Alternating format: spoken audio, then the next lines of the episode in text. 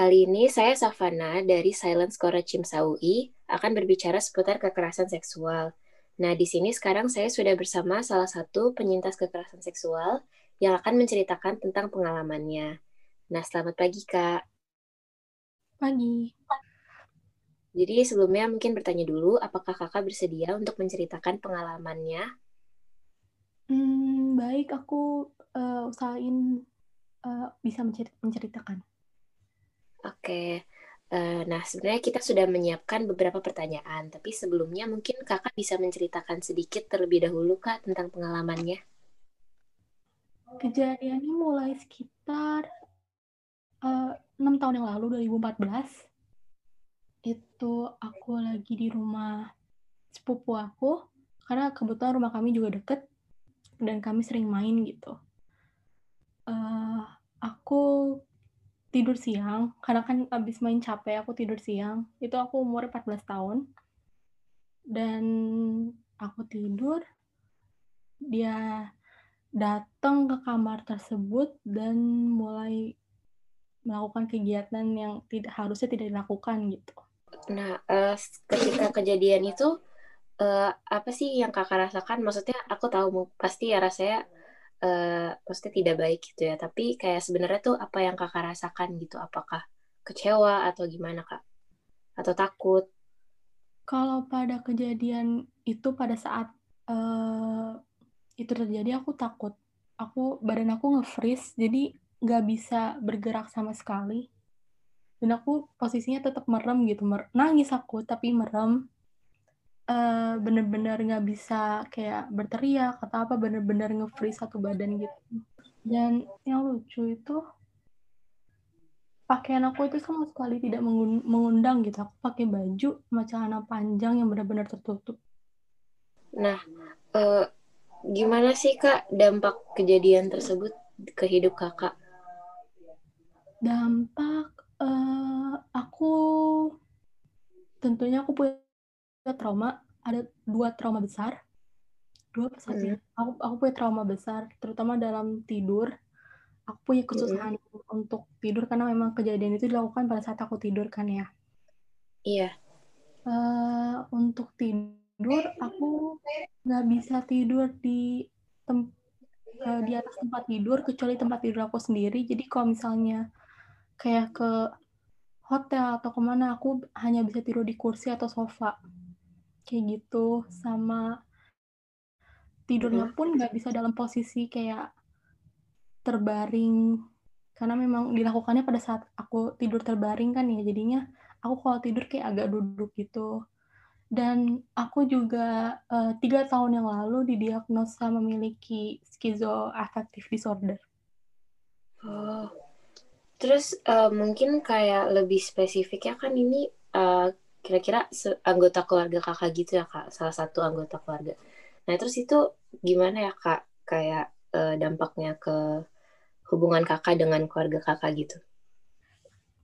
Hmm, yang salah di sini adalah aku pada saat kejadian itu nggak langsung cerita jadi aku uh, aku diem selama sekitar lima tahun dari kejadian. Jadi baru terbuka 2019 dan uh, orang tua pada saat itu juga shock kan ya, tapi uh, mereka bilang untuk rahasia antara kita aja gitu, untuk jangan diumbar ke siapa-siapa. Dan di situ jujur aku sedih karena uh, kenapa mereka bilang uh, memilih untuk tetap diam gitu. Tapi kalau sekarang aku sempet marah besar kepada ibunya gitu Terus uh, gimana kak reaksi ibunya atau kayak keluarganya dia gitu? Akhirnya ibu aku cerita, uh, ibu aku cerita mengenai kejadian tersebut. Uh, ini dari cerita ibu aku, jadi aku aku nggak lihat secara langsung gitu. Oh iya. Tapi setelah ibu aku cerita, tetap aja kayak uh, semua berjalan seperti nggak ada yang terjadi gitu. Dan ibunya dia jadi benar-benar tidak, maksudnya tidak bereaksi apa-apa gitu kak? Nggak tetap memperlakukan aku seperti ya biasanya kayak nggak ada yang terjadi. Kalau kalau sekarang tapi perasaan kakak tentang yang dulu tuh bagaimana ya kak? Apa kayak kakak sudah uh, gimana ya istilahnya mungkin sudah kayak mengikhlaskan atau masih marah atau bagaimana ya kak? Hmm, kalau jujur aku masih marah tentunya ya. Cuman aku hmm. uh, coba untuk ngiklasin juga. Karena kalau misalnya tetap nggak uh, bisa berdamai dengan masa lalu akan menghambat proses penyembuhan aku juga gitu. Nah, iya kak. Nah, gimana sih cara kakak memulai proses penyembuhan ini kayak uh, cara kakak pulih gitu gimana kak? Hmm, kalau pulih sebetulnya aku belum full, full recovery pulih ya. Iya, Kak. Tapi mulainya uh, aku mau sebetulnya uh, mulai kayak dapat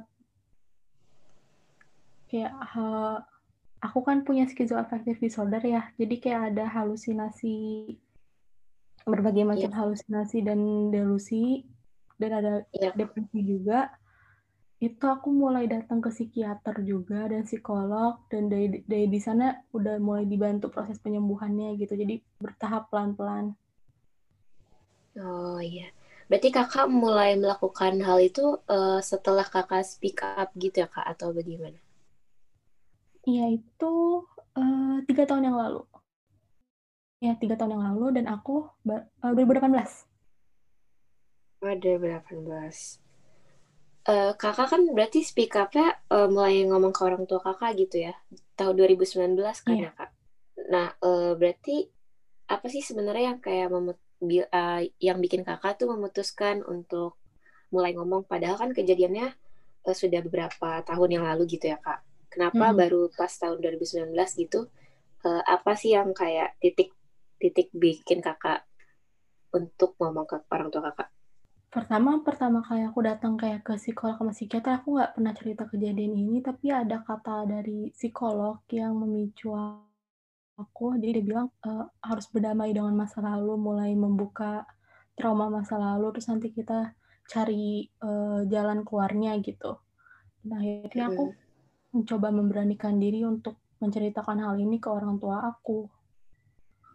Aku sebetulnya banyak uh, hal yang harus dipertimbangkan juga karena pelakunya kan keluarga ya. Aku takut merusak hubungan keluarga juga karena kami sangat dekat gitu.